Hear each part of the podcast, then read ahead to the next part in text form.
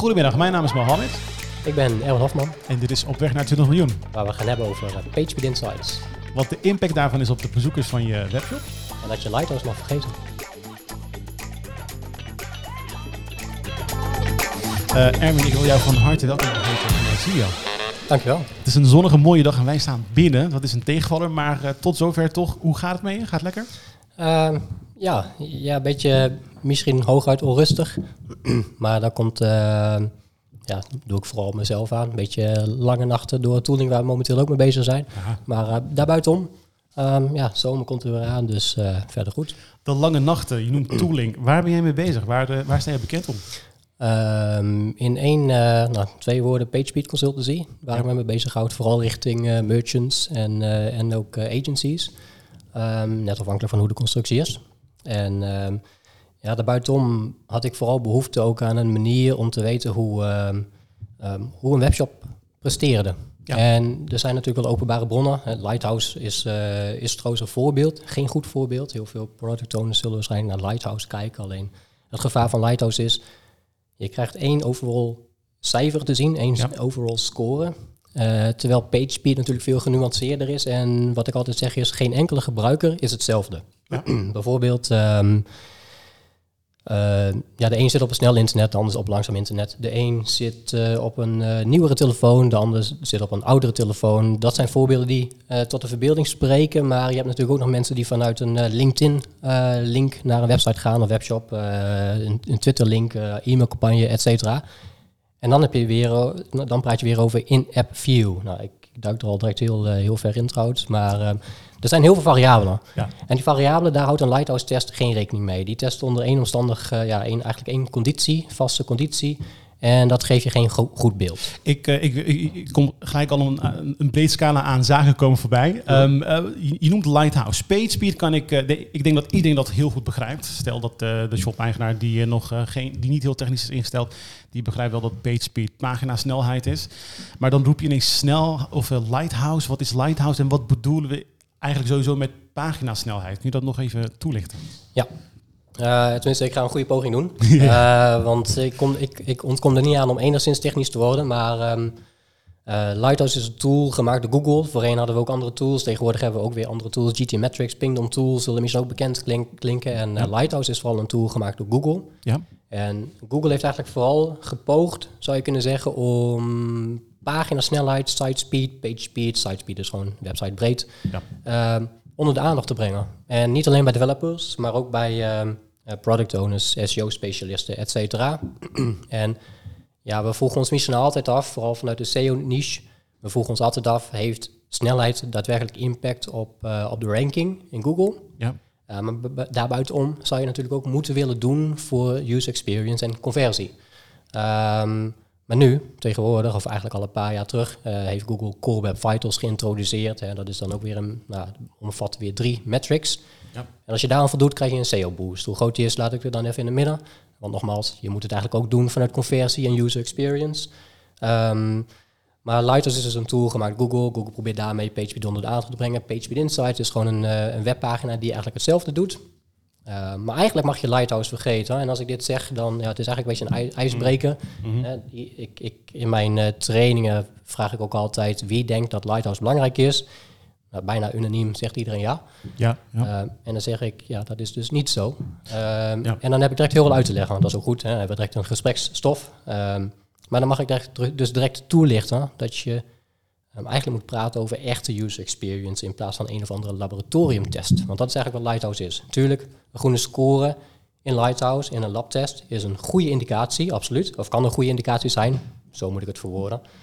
Um, een groene score doet het ook altijd goed op LinkedIn, bij wijze van spreken. Ja, ja zeker. Uh, maar ja, belangrijker is wederom die echte user experience. Als we het hebben over dat contrast, want je noemde net page speed en lighthouse en daar probeer je een contrast tussen te maken. En dus als ik het goed begrijp is, uh, jij optimaliseert, je doet consultancy, jij optimaliseert op page speed, maar daarbij zeg je uh, expliciet, we gaan niet optimaliseren voor lighthouse scores. Nee. Dat is het idee. Oké, okay, waar optimaliseer je dan wel op? Ja, uh, ga ik eerst dat uh, toelichten, want het is wel heel terecht wat je zegt. Ga je wel of niet voor Lighthouse in, optimaliseren? Ik heb die vraag wel eens gekregen. Ik heb wel eens de vraag gekregen, hoe krijgen wij een 90 plus score? Heel veel mensen weten dat 100% onhaalbaar is, afhankelijk van het platform dat je gebruikt. Uh, dus de vervolgvraag is, hoe krijgen wij een 90 plus score? Maar dat boeit niet. Um, er zijn voldoende Magento shops die um, niet verder komen dan 25%, misschien 30% in Lighthouse. Praat ik even over mobiele scoren. Ja. Desktop is makkelijker. Um, maar toch voldoen aan die eerder benoemde Core Web Vitals. En dat betekent, als je voldoet aan Core Web Vitals, wat weer gebaseerd is op, wederom heb je weer echte user experience, um, ja, dat je webshop dus goed presteert als je daaraan voldoet. Het kan altijd beter voor conversie, maar als je voldoet aan Core Web Vitals, heb je in ieder vast die SEO boost. Maar in het verlengde daarvan, hè, wederom, wil je het ook doen voor nog betere core, of, uh, user experience. Um, en dan ga ik één voorbeeld noemen. Je krijgt een betere Lighthouse score wanneer je WebP-afbeelding implementeert. Nou, iedereen kent JPG, PNG, WebP mm heet een nou, heel fancy Next Generation Images. Betekent gewoon een, een betere compressie. Dus kleinere bestanden, sneller gedownload. Maar dat boeit niet in Nederland, want we hebben al voldoende ja, snelheid, internetsnelheid in Nederland. Dus je zou misschien, ik mhm. hoop het niet, maar je zou een werkweek kunnen spenderen om WebP te implementeren in je webshop. Ja, Maar als je doelgroep Nederland is, dan zie je in de echte UX geen winst. Ehm, omdat in Nederland niet zozeer de internetsnelheid ja. een performance bottleneck is, maar tegenwoordig is dat vooral die mobiele telefoons. Oh, dat is heel interessant. Want wat jij dus eigenlijk zegt is, jij bent PageSpeed consultant, maar het is niet per se dat jij PageSpeed als geheel, tenminste, jij, het is niet dat je PageSpeed optimaliseert, maar dat je specifieke metrics die de user experience weergeven, dat je die optimaliseert. Ja, ja want die individuele metrics die vertellen eigenlijk natuurlijk een veel beter verhaal over bepaalde punten in een um, ja, pagina-ervaring, in een laadproces. Dus uh, om terug te komen op je eerdere vraag, hè, wat is dan ja, page speed of page load of paginasnelheid? Ja. Ja, wederom is dus niet in één cijfer uit te drukken. Dat, uh, ja, Google heeft er echt meerdere metrics voor bedacht. Je zou kunnen zeggen, het is gewoon pagina laadsnelheid. Het is gewoon het aantal seconden dat het duurt voordat je pagina geladen is. Ja, dat klopt. En dan heb ik heel wat uit te leggen. Uh, en je hebt natuurlijk momenten waarop de server reageert. De server in staat is om content uh, ja, eigenlijk uh, terug te geven aan de browser. Ja. En dat is de time to first byte. Maar wat ik dan altijd zeg is, ja, mijn ouders hebben niet door, eigenlijk heel veel mensen hebben niet door wanneer de time to first byte plaatsvindt. Waar, waar men het eerst op afgaat is wanneer de pagina niet meer wit is, logischerwijs. Mm -hmm. Des te langer men naar een wit scherm kijkt, des te sneller men het zat wordt en misschien weer terugklikt naar Google afhankelijk van wat hun doel was. Ja, op, ik geef altijd het voorbeeld, klinkt tegenstrijdig, maar ik geef altijd het voorbeeld als men tijdens Black Friday echt een product wil kopen met korting, dan zijn ze misschien juist wel sneller bereid om een lange laadtijd af te wachten. En ze weten dat het op die dag misschien druk is op een webshop, dus ze anticiperen daar misschien op. Misschien boeit paginasnelheid tijdens Black Friday net iets minder dan buiten Black Friday en feestdagen om, bij wijze van spreken. Ja, dat zijn dus allemaal zaken waar ja, waar we niet altijd bij stilstaan, logischerwijs. Um, en time first byte, ja nogmaals, hè, dat is dus wanneer de server terugkomt met uh, respons, of eigenlijk wanneer de browser de eerste byte ontvangt. Um, dan heb je een, een vervolgmetric, de FCP, First Control Paint, dus het moment waarop de pagina niet meer wit is. Maar wanneer je een productpagina bezoekt, wil je eigenlijk ook wel dat de afbeelding heel snel in beeld komt. Als je op zoek bent naar een iPhone, dan tuurlijk, je gaat op of af op de prijs, op de titel. Um, maar je wilt toch ook het product zien. Dus die afbeelding is ook wel van belang. Dus de pagina is misschien al verschenen, maar de afbeelding is nog aan het laden.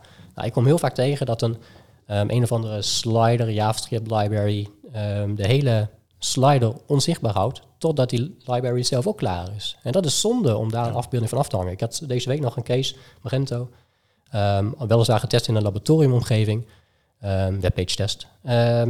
En die gaf aan dat de afbeelding al geladen was op 4 seconden. En dat die mhm. pas op seconde 20 getoond werd. Gewoon weg omdat die JavaScript die verantwoordelijk daarvoor was, weer werd opgehouden door een andere JavaScript. Um, ja, en dat is zonde als de pagina er dan al is. Je wil eigenlijk, zo zou je het kunnen, eigenlijk kunnen omschrijven. Je wil het gat tussen elke metric niet te groot. Hè? De, het gat tussen time first byte, nou, die wil je eigenlijk al, al zo laag mogelijk houden. Want die zal elke andere page speed metric beïnvloeden. De FCP, het moment waarop de pagina niet meer wit is, wil je snel tot stand laten komen. Maar daarna wil je het gat tot wanneer men voor het eerst iets in de pagina ziet verschijnen. En wanneer de productafbeelding, heel image, noem maar op, in beeld komt. Die wil je ook niet te groot. Want anders denkt men misschien dat de pagina niet helemaal goed reageert of kapot is of niet betrouwbaar is en stapt ook weer uit. Nou, dan heb je, om het nog ingewikkelder te maken, er is overvloed aan metrics, zeiden we al laatst. Ehm, om het nog ingewikkelder te maken, dan zijn er ook nog non-PageSpeed metrics, zo noem ik ze in elk geval.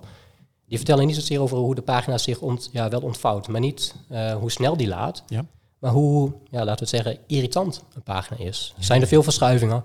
Als je ergens op klikt, reageert de pagina wel direct of begint een gebruiker dan direct te rage klikken, bij wijze van spreken, of gooit zijn telefoon uit het raam. In beide gevallen heb je een kans op een bounce. Um, en dat is ook niet wat je wil. Dus buiten de zogenaamde snelheid-metrics, type first byte, um, FCP, LCP, dat is die afbeelding, de page load, wanneer de meeste resources geladen zijn, heb je ook nog weer eigenlijk non-snelheidsmetrics. Het, het, het, klinkt alsof je langs die klantreis um, eigenlijk um, die metrics op verschillende wijzen beoordeelt op basis van welke pagina ze zitten. Ja, absoluut. Uh, elke metrics kunnen zich anders ontvouwen uh, per template. Ja, kijk, een, een blogpagina is, uh, is heel anders dan een eh, productpagina en weer anders dan een listing page. Ja. Al met al, hè? ik bedoel, we, hebben, we zijn er gelijk een beetje in de technische materie gedoken. Um, als we het hebben over, over omzet van een webshop, hebben we het aantal bezoekers die je binnenkrijgt, de conversie van die bezoekers en uiteindelijk een orderwaarde, afhankelijk van jouw businessmodel. Um, op welke van die, ik, ik kan me voorstellen dat het impact heeft op de conversie, want als het te lang laat, dan denk je van ik ga weg. Mm -hmm. Heeft het ook invloed op het aantal bezoekers die je kan krijgen op je webshop? Of bijvoorbeeld de orderwaarde of ergens anders? Uh, ik weet niet of ik je vraag helemaal begrijp. Heeft wat invloed op hoeveel bezoekers je ja. kunt krijgen? Dus stel we, stel we gaan werken aan PageSpeed uh, consultancy of aan PageSpeed optimalisatie. Um, dan heb je invloed op conversie. Heeft het ook conversie op het aantal bezoekers die je kan krijgen op je organic results? Um, nou, wel dus wanneer een Core Web Vitals invloed heeft op, je SEO en je daarmee misschien net je concurrentie voorbij kunt uh, gaan uh, in de, in de nou ja, Search Engine Results pages. Um, tegelijkertijd, eh, wat een heel goed voorbeeld is, um, jaren terug overigens, is, is YouTube. Logischerwijs gebruikt heel veel JavaScript. Um, en die zijn flink gaan optimaliseren ooit, wederom heel lang terug. En ze zagen in hun data dat de performance slechter was geworden. Maar in plaats van, en Hè, dus maar net weer hoe je data interpreteert. Mm. Um, in plaats van dat de, ja, hun, hun YouTube-omgeving slechter was geworden, uh, bereikten ze een grote doelgroep. Omdat eigenlijk dus aan het eind van de rit de webshop juist, uh, niet webshop, uh, YouTube sneller was geworden. Aha. hadden meer mensen de mogelijkheid, met een zwakke telefoon, zwak internet, hadden meer mensen de mogelijkheid om de, nou, YouTube te bezoeken.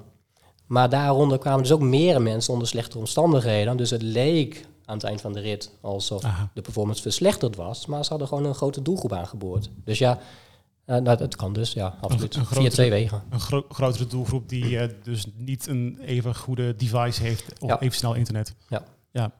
Sinds wanneer is, dat, uh, is, is, is PageSpeed belangrijk? Je bedoelt in, sinds welk jaartal of welk moment in het proces? Veel, sinds welk jaartal? Oké. Okay. Ja, het is natuurlijk eigenlijk altijd al belangrijk geweest. Mm -hmm. het, het, de uitdaging is... Um, we krijgen sneller internet. Um, nou, er, zijn, er zitten zelfs meerdere uitdagingen in. Van 3G naar 4G. Mm -hmm. um, ja, met die stap kwamen er ook grotere libraries. Dus in plaats van dat we dachten dat, dat we makkelijker af waren met, ja. uh, met sneller internet, uh, begonnen we ook eigenlijk zwaardere libraries, meer ah. JavaScript uh, te verschreven naar de browser toe. waardoor aan het eind van de rit de performance eigenlijk helemaal niet beter werd met sneller internet. Nou, dan pak ik ook 5G erbij.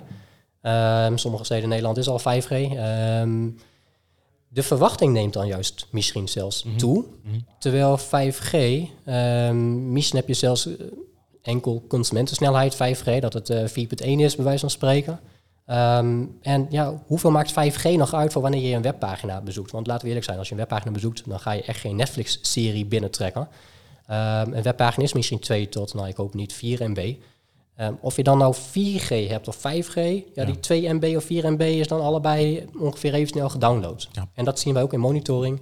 De internetsnelheid, het is ongeveer, de grens is wat wij zien, bij 5 MB per seconde um, vervalt ongeveer de correlatie tussen uh, internetsnelheid en de laadervaring. Dus dan zou je kunnen zeggen, dat is het kantelpunt ja. waarop uh, de omstandigheden van een device ineens belangrijker worden. Mm -hmm. Maar dus al met al, sinds wanneer uh, heeft uh, Google bij wijze van geroepen van jongens, uh, let op je page speed? Ik denk dat dat 2011 is geweest. maar ja, daarvoor hadden we natuurlijk ook weer heel andere uitdagingen met langzamer internet, andere devices. Dus de uitdaging is er altijd geweest. Ja. En die zal misschien ook wel blijven. Ehm, maar het is ongeveer, denk ik, 2011 geweest dat, eh, dat Google met een eerste versie van hun openbare PageSpeed Insights tooling begon. Ja, en vervolgens is er natuurlijk een ontwikkeling in, in hun beleid daarin. In 2021 zijn de Core Web Vitals geïntroduceerd, is een update van geweest. Is dat een groot mijlpaal geweest? Nou, wat ik wel merk, en zij zelf trouwens ook, en dat uh, publiceren ze ook steeds in hun data die ze openbaren. Ehm, het is wel zo inderdaad dat veel frameworks wel een verbeterslag hebben gemaakt. Uh, ook vooral JavaScript uh, libraries trouwens, React, Angular, Vue.js bij wijze van spreken. Ehm, en ik denk ook wel dat ze erin geslaagd zijn om, um, om het bij een bredere doelgroep onder de aandacht te brengen. Dus wederom niet meer alleen die developers, maar dus ook product owners, SEO-specialisten, CTO's. Ja. Kun jij misschien met ons een, een case delen waar jij uh, eventueel aan hebt gewerkt of eentje die, uh, die, die, die, die je kent, waarin PageSpeed echt een verschil heeft gemaakt? Ik, ik word nauwelijks meegenomen in de conversiecijfers. Hè. Ik ben eigenlijk vooral voor het technische. Ik, ik heb zelf ook een developer achtergrond, vind ik ook het meest, meest interessant om te doen. Mm -hmm. ik, ik kan wel wat uh, voorbeelden noemen van snelheidswinsten. Mm -hmm. um, ik weet alleen niet of ik die openbaar mag noemen, maar ik moest wel een artikel noemen, dus ik ga het doen. Um, ehm, VPO is een platform voor uh, nou ja, wat andere type overnachtingsmogelijkheden. Um, en die hadden een, een Google Fonds. En nou, er hoeft nog niet zozeer direct wat mis te zijn met Google Fonts, want de Google server is vrij snel, het CSS-bestand is vrij klein en uh, ondertussen kan een browser gewoon uh, het fondbestand, het lettertype zelf gaan downloaden en de pagina alvast weergeven. Dus daar zit nog niet de grootste bottleneck. Mm -hmm. Maar wat zij hadden is um, een Google Fonts in een bepaalde CSS-regel in een style sheet. En dat deden ze met een, nou, voor de techneuten onder ons, deden ze met een CSS add import. Uh, mocht je het ooit tegenkomen als, nou ja, luisterende uh, developers direct eruit lopen, maar hoe dan ook, ze gebruikten een add import in een style sheet. En je krijgt dan eigenlijk een geschakelde ja, request. Um, de browser weet pas dat hij die Google Fonts moet gaan ophalen nadat de hele CSS-bestand is gedownload. Dan okay. pas gaat hij over tot de actie van het inladen van de Google Fonts. Nou, CSS is renderblocking, parsblocking, maar renderblocking, dat betekent, ja, een browser wacht natuurlijk op het stylesheet, omdat hij moet weten waar, welke kleuren elementen moet hebben en welke positie het in het scherm terecht moet komen. Dus een browser wacht gewoon op een stylesheet, ook, op, ook op de meeste skipbestanden. Um, dus je wil je stylesheet niet te groot. Laat staan dat je een geschakelde request wilt. Als je dat hebt, um, ja, dan moet een, een, bezoeker dus nog langer wachten tot ja. die pagina ingekleurd kan worden. Want dat is natuurlijk gewoon een proces wat plaatsvindt in je browser. De browser moet de webpagina inkleuren. Uh, dat kan alleen maar als de meeste HTML ontvangen is en, uh, en de CSS ontvangen is. En als je dan een geschakelde request hebt, nou ja, dan hoef ik niet meer toe te lichten hoe dat dan een grotere bottleneck wordt. Sterker nog, we hadden natuurlijk monitoring aangezet.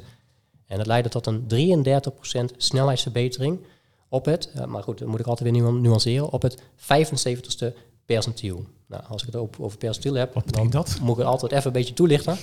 Um, Google is wel goed om te weten. Google gebruikt ook het 75ste percentiel uh, voor Core Web Vitals, voor elke metric binnen hun Core Web Vitals. En dat betekent eigenlijk dat je naar de beste ervaring van de 25% slechtste groep kijkt.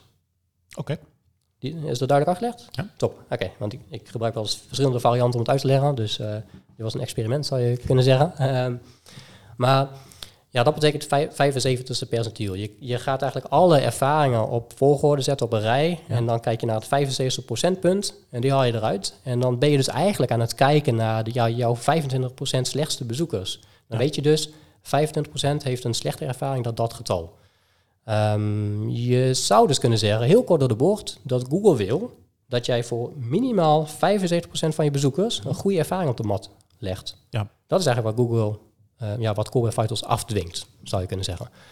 Um, je zou natuurlijk hoger kunnen inzetten. Hè. Als je Shop het al heel goed doet, ja, dan kun je zelf vervolgens naar het, niet in Google, uh, we hebben een monitoring gemaakt waarmee dat wel kan, uh, maar dan kun je bijvoorbeeld naar het 80ste, 85ste of 90ste percentiel kijken. Ja, je kunt ook naar een 99ste percentiel kijken, maar mensen onder echte rukomstandigheden, die zijn niet meer te helpen. En heel kort door de bocht, maar daar wil je geen uren meer waarschijnlijk aan verbranden. Um, ben ik alleen de draad kwijt van waar we waren. De, de, de vraag was van wat is een goede use case? Je geeft net ja, aan van ja. 33% verbetering. Nou, die hadden dus een verbetering inderdaad van 33%, snelheidsverbetering FCP en LCP. Volgens mij schoot de LCP zelfs naar 44% toe. Ja. Um, op het 75ste procentpunt. En we hebben ook ja, een percentiel, dus we hebben ook naar andere percentielen gekeken. En dan zagen, zagen we dezelfde, dezelfde winst dan. Dus zelfs mensen die eigenlijk al uh, hele snelle omstandigheden hadden, kwamen 33% beter uit. Um, En ehm, ja, ik, ik ben deze week, of de afgelopen twee weken, met een case bezig geweest. Eh, mocht ik ook zelf een klein beetje development doen. Norm- Normaliter doe ik dat eh, niet, want er komt ook heel veel overheid bij kijken. En een agency heeft zelf ook developers. En als ik zelf implementatie doe, ja, dan neem ik de kennis ook weer mee weg als de dienstverband voorbij is. Ehm, dus het komt eigenlijk zelden voor. Maar in dit geval eh, was er een ehm, JavaScript bestand van een plugin in Lightspeed. In Lightspeed kun je plugins installeren. Ja, die kunnen zelf eh, onverhoopte JavaScript inbakken en dat gebeurde hier. En ehm, dat JavaScript-bestand was ook weer renderblocking en parseblocking. Dus de browser stopt dan gewoon met zijn werk en wacht op dat bestand. Ja, als een browser ondertussen niks anders doet, ligt ook weer veel genuanceerder. Maar goed, daar Mhm. geef ik hele training over. Maar als een browser daar dus op wacht, ja, dan spreekt het voor zich dat het heel pijnlijk wordt ehm, als zo'n bestand zwaar is. Maar in dit geval was het bestand niet alleen zwaar. ehm, die had ook weer een redirect naar een uiteindelijke versie. Dus bij wijze van spreken, het bestand was slash latest om de laatste versie op te halen. Maar die redirect dat toen vervolgens naar het uiteindelijke versienummer. Ehm, en dan pas kon de browser beginnen met, eh, met het bestand te downloaden. Dus dat was eigenlijk ook weer een geschakelde request, zou je kunnen zeggen. Nou, het was ook nog eens JavaScript. Ehm, JavaScript is, ik zeg altijd, hè, je hebt eh, zo'n vergelijking, eh, wat is zwaarder, 100 kilo veer of 100 kilo baksteen. Ehm, die vergelijking maak ik ook met, met CSS en JavaScript. Wat is zwaarder, 100 kilobyte CSS of 100 kilobyte JavaScript? Ja. Nou, in dit geval is er daadwerkelijk verschil, want 100 kilobyte JavaScript is kwaadaardiger, omdat dat eh gedownload, maar dat moet CSS ook. eh, maar ook gecompiled, gepar- ge- geparsed en dan pas uitgevoerd moet Ja, worden. ja. Dus daar komen meer stappen bij kijken. Dus je renderblok in JavaScript is altijd kwaadaardiger. Ehm, en het jammere was, we hadden een mailtje gestuurd, was SendCloud, we hadden een mailtje gestuurd naar SendCloud en ze zeiden, ja, we, we maken eigenlijk geen uitzondering, we doen geen maatwerk. Nou, dat was wel een beetje jammer. Uiteindelijk zijn ze daar wel een beetje genuanceerd op teruggekomen. Ja. Dus dat zit nog in de pijplijn. Heb ik nog geen cijfers van helaas, maar ik verwacht daar ook een 33% verbetering. En al deze dingen, want wat, wat ik mooi vind van, eh, we, hebben eerder vaker gesproken en wat ik heel mooi vind van jouw verhaal is vaak dat je één, technische slag maakt, maar daarnaast dat je het eigenlijk heel duidelijk plat slaat op die gebruikerservaring. Want leuk dat het allemaal, weet je wel, nieuwe cijfers zijn en, en verhogingen en, en, en verbeteringen en, en noem maar op. Maar uiteindelijk gaat het natuurlijk om hoe ervaart de gebruiker dat op zijn telefoon of, of, of desktop. Ja. Ehm, welke, gebruiker, welke verbetering in gebruikerservaring eh, heeft, eh, tot welke verbetering in gebruikerservaring heeft het geleid? Bijvoorbeeld die, eh, het voorbeeld van VPO. Ja, in het geval van VPO is het dus vooral dat men ehm, sneller een pagina te zien krijgt in plaats van heel lang naar een wit scherm kijkt. Ehm, en bij de meeste metrics eh, is het zo dat ze wel eh, gerelateerd zijn in die zin dat als je een bepaalde metric weet te verbeteren, Ja. dat je de opvolgende metrics daarmee ook weet te verbeteren. Het spreekt voor zich dat als je een snellere server hebt en je time first byte verbetert, ja, dan zal de FCP en de LCP daar ook van profiteren. Uh, maar er zit gewoon een gat altijd tussen time first byte en FCP. Dus de winst van time first byte zie je niet één op één terug in FCP, omdat er nog gewoon tussenliggende huiswerk ligt voor de browser. Ik eh, ben die webshop. Ik ben op weg naar 20 miljoen. En eh, ik heb al jaren Magento shop en ben, nou goed, eh, we zijn nu 3 miljoen jaar omzet en ik wil die slag gaan maken in, in pagina, in PageSpeed. Wat zal waarschijnlijk de grootste bottle, wat, wat zullen waarschijnlijk de grootste bottlenecks zijn die ik op dit moment heb? Ehm, je gaat dus van de Magento case uit. Nou, misschien gewoon, een- nou, laten we gewoon een webshop Oké. algemeen zeggen. Ja. Als er een significant verschil is ten opzichte van Magento. Mhm. Eh, maar we kunnen ook van een Magento case uitgaan, wat, wat, wat jij leuker vindt. Oké, oké. Ehm, het, het, het is, ehm, Magento heeft wel een eh, bepaalde reputatie, eh, maar ik, geld, ik, ik denk dat het voor heel veel platformen geldt. Een, een platform is vaak goed in het oplossen van een heel specifieke uitdaging. Ja. Andere uitdagingen misschien ook wel enigszins. En vervolgens zijn er ook nog uitdagingen waar ze minder goed in zijn. Ja, weet je, Magento 2 is ooit begonnen met het verschepen van heel veel JavaScript. Dat is zonde. Eigenlijk een hele, ja, het is gewoon zonde geweest. Diezelfde stap hebben ze nu natuurlijk ook met een headless omgeving, met een PWA-omgeving. Want ja, hoe lang zijn ze daar al mee bezig? Ik ben de tel kwijtgeraakt, maar ze zijn al heel lang bezig met een PWA-omgeving. Mhm. Ja, dat gebruikt ook weer heel veel JavaScript. En ik vrees dat ze na de hand achter zijn gekomen. Ja, verrek, JavaScript is misschien nog niet voor alle doelgroepen de beste zet. Eh, dus ik vrees dat ze pas achteraf hebben gedacht, ja, shit, we moeten eigenlijk ook nog wel gaan optimaliseren. Zodat iedereen in ieder geval wel een goede gebruikservaring houdt. Maar eh, dat tezijde. Ik zie binnen Magento eigenlijk nog wel ehm, dat de uitdagingen niet altijd heel Magento-specifiek zijn, Ja. maar dat er toch nog wel buiten liggen. Op zich is dat goed, want eh, niemand wil heel veel uren besteden aan het eh, customizen van Magento. Dus dan is het eigenlijk wel ehm, ja, goed om te weten dat je toch kunt optimaliseren zonder heel diep in Magento zelf hoeft Ja. te duiken. Maar ehm, ja, elke platform heeft wel zo zijn uitdaging. En Magento heeft ook wel wat eigen specifieke uitdagingen. En dat is bijvoorbeeld die eh, slider. Hè. Ze, er zijn Fotorama, maar sommigen gebruiken weer oude carousel omdat ze een andere plugin hebben geïnstalleerd, et cetera. En de meeste sliders bij default ehm, ja, houden de image gallery onzichtbaar totdat de JavaScript zelf geladen is. Maar die eerste afbeelding, die kun je natuurlijk gerust al lang tonen, terwijl jouw JavaScript nog geladen wordt en uitgevoerd wordt. Dat is een van de grote uitdagingen die je ziet. Ja, third parties blijven natuurlijk altijd een uitdaging. Het hangt er ook maar net vanaf hoe je een third party in je shop hebt gehangen. Ehm, kan via Google Tag Manager. Als je Google Tag Manager gebruikt, dan kun je zelfs ook verschillende trigger types gebruiken. Ja, geef de meeste third parties gewoon een lagere prioriteit, want je wil niet dat die gaat backvechten met je eigen resources, met je eigen JavaScript en CSS. Ja, en vervolgens ligt het best wel weer heel erg. ehm, ik, ik, ik zie ook wel weer veel verschillen tussen shops. Eh, De meeste hebben wel dezelfde uitdagingen, zelfs Magento shops, logischwijs, hebben gewoon dezelfde uitdaging. Ik denk dat 40%, misschien 30, 40% eh, altijd wel generiek is. Eh, maar vervolgens hebben agencies of merchants toch ook wel hun eigen ding eroverheen gelegd. Andere type third parties, et cetera. Ehm, wat ik al zei, de een gebruikt dan net weer de ene plugin en weer de andere gebruikt de andere plugin. En dat zorgt ook wel weer voor verschillende cases. Ehm, dus ja, ik, ik vrees dat ik hem niet met één antwoord kan beantwoorden, die vraag. Maar stel- stel dat ik daaruit het volgende haal. ehm, dat een van de grote bottlenecks zou kunnen zijn ehm, het inefficiënt gebruiken van third-party tools en, en, en JavaScript.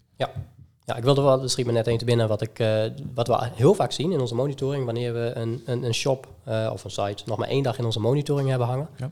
hebben we heel vaak ges- eh, gespot dat ehm ja, met, een re- met een query string in de URL, dat betekent wanneer iemand van Google Click, ja, Google Click ID, Facebook Click ID, als ze van Facebook of Google Advertentie komen, of eh, UTM-parameters vanuit een nieuwsbrief of social media. LinkedIn is recent begonnen met ook het toevoegen van UTM-parameters aan elke uitgaande link. En we hebben heel vaak gezien dat de caching-strategie dan niet doet wat men verwacht. CQ, de time first byte is normaal misschien dan 200 milliseconden, rete netjes, zeker ook voor een Magento.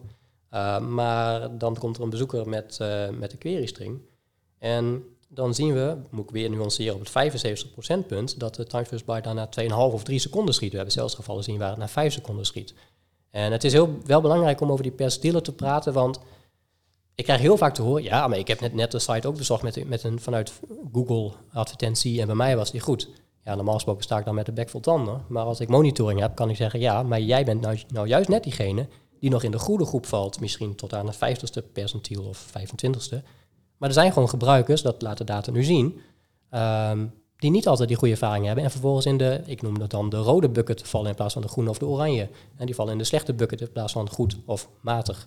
Um, maar eigenlijk wil je natuurlijk, zeker omdat een Facebook Click ID, Google Click ID eigenlijk betekent dat je er geld aan gespendeerd hebt. En als je er geld aan spendeert, terwijl die bezoekers de slechtste ervaring hebben, dan betaal je dus eigenlijk een bezoek. Ja, een bezoeker met een hele slechte ervaring, met dus minder kans dat hij tot een conversie komt. Dus je gooit ergens geld in, maar je haalt er minder uit, zou je kunnen zeggen. Ja. Dus ja, daar heb je het zelfs, nou, dat is meer een besparingstip dan dat het je direct naar 10 miljoen brengt. Ja. Maar dat is, het is wel een illustrerend voorbeeld. We hebben het er kort over gehad, um, maar wat is de impact van Core Web Vitals of PageSpeed op SEO? Um, die is me uh, momenteel minimaal.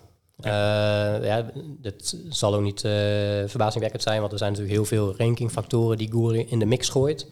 Um, dus het hangt vervolgens weer heel erg af van uh, ja, jouw, domein, jouw domeinautoriteit. wat voor uh, kwalitatieve pagina's heb je. Um, ja. er zijn gewoon heel veel factoren. Dus het, uh, je moet het denk ik meer zien als een...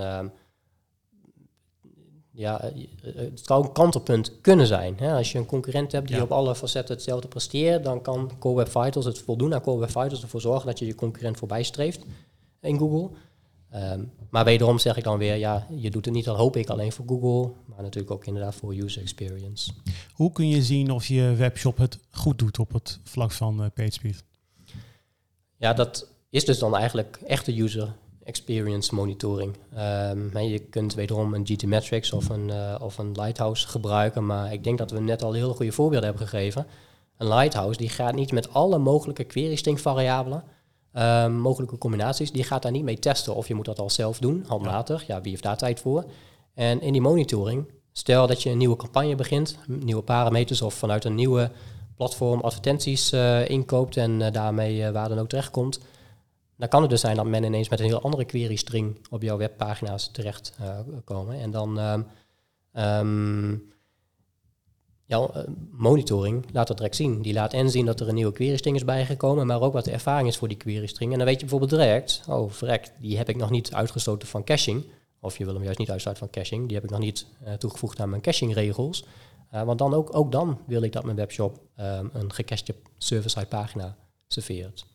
Vanaf wanneer ga je als webshop aan de slag met, uh, met uh, page speed optimalisatie? Ja, idealiter komt kom nauwelijks voor, maar idealiter natuurlijk vanaf het begin. maar ik word ja, eigenlijk vooral natuurlijk naar de hand betrokken. Um, en Tuurlijk, een, een platform kan natuurlijk ook al wel zorgen voor een goede, goede boilerplate, voor een goed fundament. Maar nogmaals, elk platform is goed in het uh, tackelen van een bepaald specifiek probleem. En er zijn weinig platformen die puur en alleen, en, en ik moet, ik zeggen, weinig platformen die ook volwassen genoeg zijn voor grotere shops, die puur en alleen aan PageSpeed zitten. Um, kijk, zelfs PWA, nou nogmaals, hoe lang is PWA bezig? Hoe lang is Magento al bezig met de PWA-oplossing die nog niet tot de markt is gekomen? Ik heb heel veel uh, ook PWA-oplossingen geschreven, die, gezien die van de daken uh, riepen dat, dat ze 100% PageSpeed score hadden. En vervolgens zag je echte user experience monitoring. Um, want dat, doet, dat doet Google openbaar met hun Core Web Vitals. Maar je hebt dan gewoon een 28 dagen vertraging. Ja, daar kun je niet op acteren als je elke week een deploy doet. Maar in die data was dan te zien dat zo'n PWA eigenlijk helemaal niet goed presteerde. Dus ja, er zijn natuurlijk heel veel platformen en libraries en frameworks. Uh, dus idealiter wil je misschien wel beginnen met een Ehm, platform dat in elk geval een goed fundament is. Een ideaal fundament vanuit PHP nogmaals is er dus waarschijnlijk niet, maar een goed fundament. En ja, het zal helpen wanneer je bij wijze van spreken een uh, performance advocate hebt uh, intern in-house die uh, zich daar continu over buigt. Maar ik snap ook als developer dat, dat je als merchant of zeker als agency ook gewoon continu andere zaken hebt die moeten gebeuren. en een heel andere roadmap hebt die ja. doorgevoerd moet worden.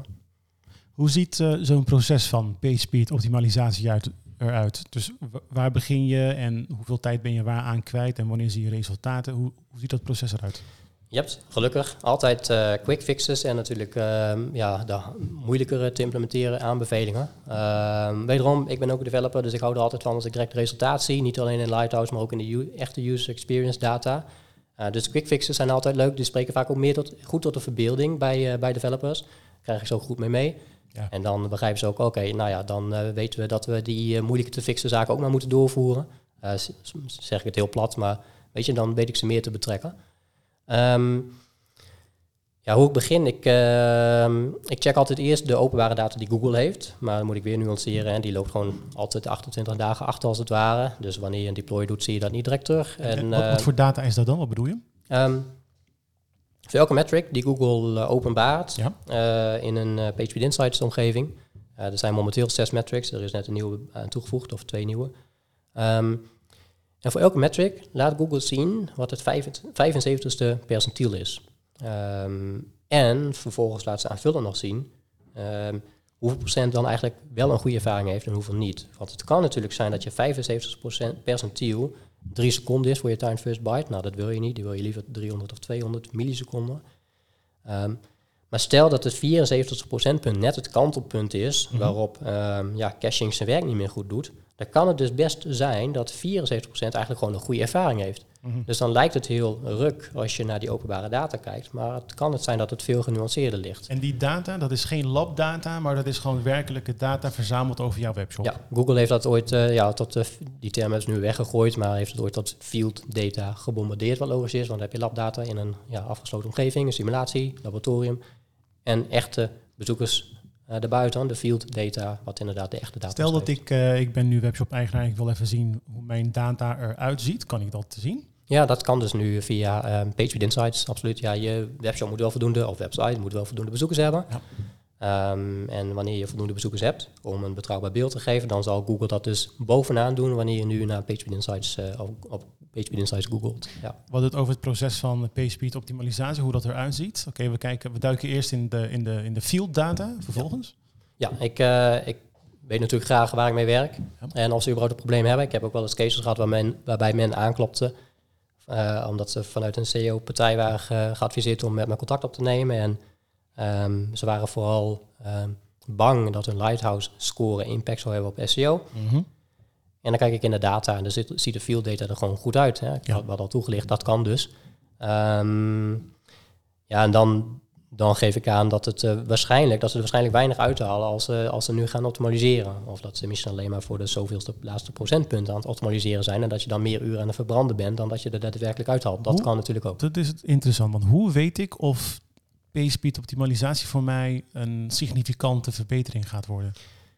Ehm, die percentages in PageSpeed Insights, Ja. als elke groene balk, of je kunt het uitklappen en dan krijg je de exacte nummer te zien, als ze allemaal op 96 staan of 95, ja, dan weet je, oké, nou 4% heeft nog een slechte ervaring, gaan we daar nog wat uithalen? Die vraag zou je je kunnen stellen.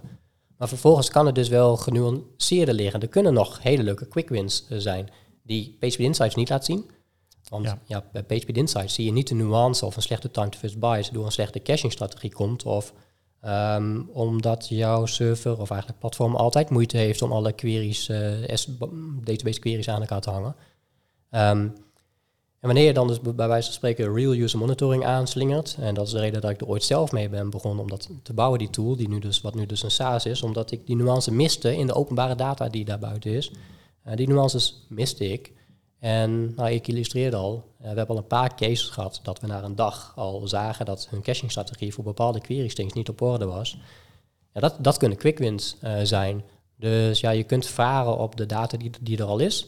Ehm, dan mis je nuance die jou kan vertellen dat er misschien Mhm. toch nog quick wins zijn die eigenlijk niet heel veel tijd kosten om te implementeren, maar waar misschien nog wel de laatste beetje uithaalt. Oké, dus in principe wat, wat je zou kunnen doen als, eh, als e-commerce specialist, ga naar PageSpeed Insights, kijken of je erg in het rood staat. Dat is een indicatie, is zeker niet een, re- een reflectie van de realiteit. Als er field altijd. data in het rood staat, Ja? Dan is het geen indicatie meer. Dan is het wel echt een duidelijk signaal dat er echt werk, werk aan de winkel is. Ja. Oké, dus als je dat ziet, dan kun je van jezelf zeggen, oké, we moeten aan de slag met PageSpeed. Ja. eh. Want om, om toe te Ja. lichten, wanneer je dus op PageSpeed Insights naar beneden scrolt, dan krijg je die labdata cijfer. Aha. Nou, daar hoef je, hoe ik dat toelicht is, je hebt dus field data, dat krijg je bovenaan. Dat heeft Google recent die volgorde omgedraaid en terecht, want die field data, dat zorgt voor brood op de plank. Zo'n Ja. labdata gaat vervolgens niet tot de conversie leiden. Het is leuk als je groen hebt, maar dat gaat niet tot de conversie leiden.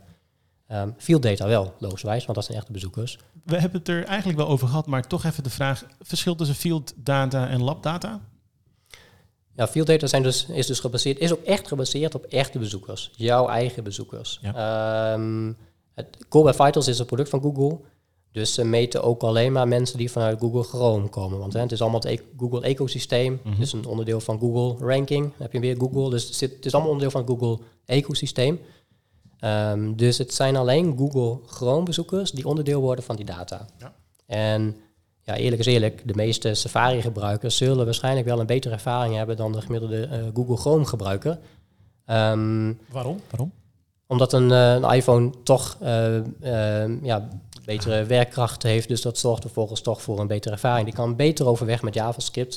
Weet je, een time first byte zal niet beter zijn op een Safari, want dat is iets wat echt afhankelijk is van de server en je Ja, ja, ja. platform. Ja, Maar alle opvolgende ja, metrics is, hangt echt af van het huiswerk wat een browser vervolgens moet doen wanneer die eenmaal alle HTML en huiswerk ontvangen heeft. En eh, ja, dan kan een device een verschil maken. Nou, dan komen we eigenlijk weer terug waar, waar we mee begonnen. In, zeker in de doelgroep van Nederland, eh, Scandinavië, eigenlijk Noord-Europa zou je kunnen zeggen. Speelt internetsnelheid tegenwoordig niet meer zo'n grote rol. Maar is het inmiddels vooral eigenlijk eh, ja, de, de CPU-boundaries, hè, de beperkingen van de CPU van de telefoon, wat de device memory, wat een Mm. verschil kan maken.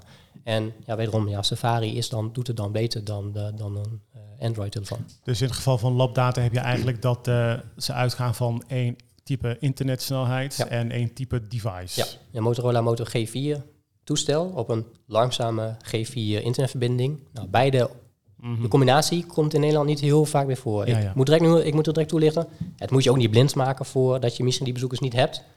Maar dat zie je dan weer een echte user experience monitoring. Oké.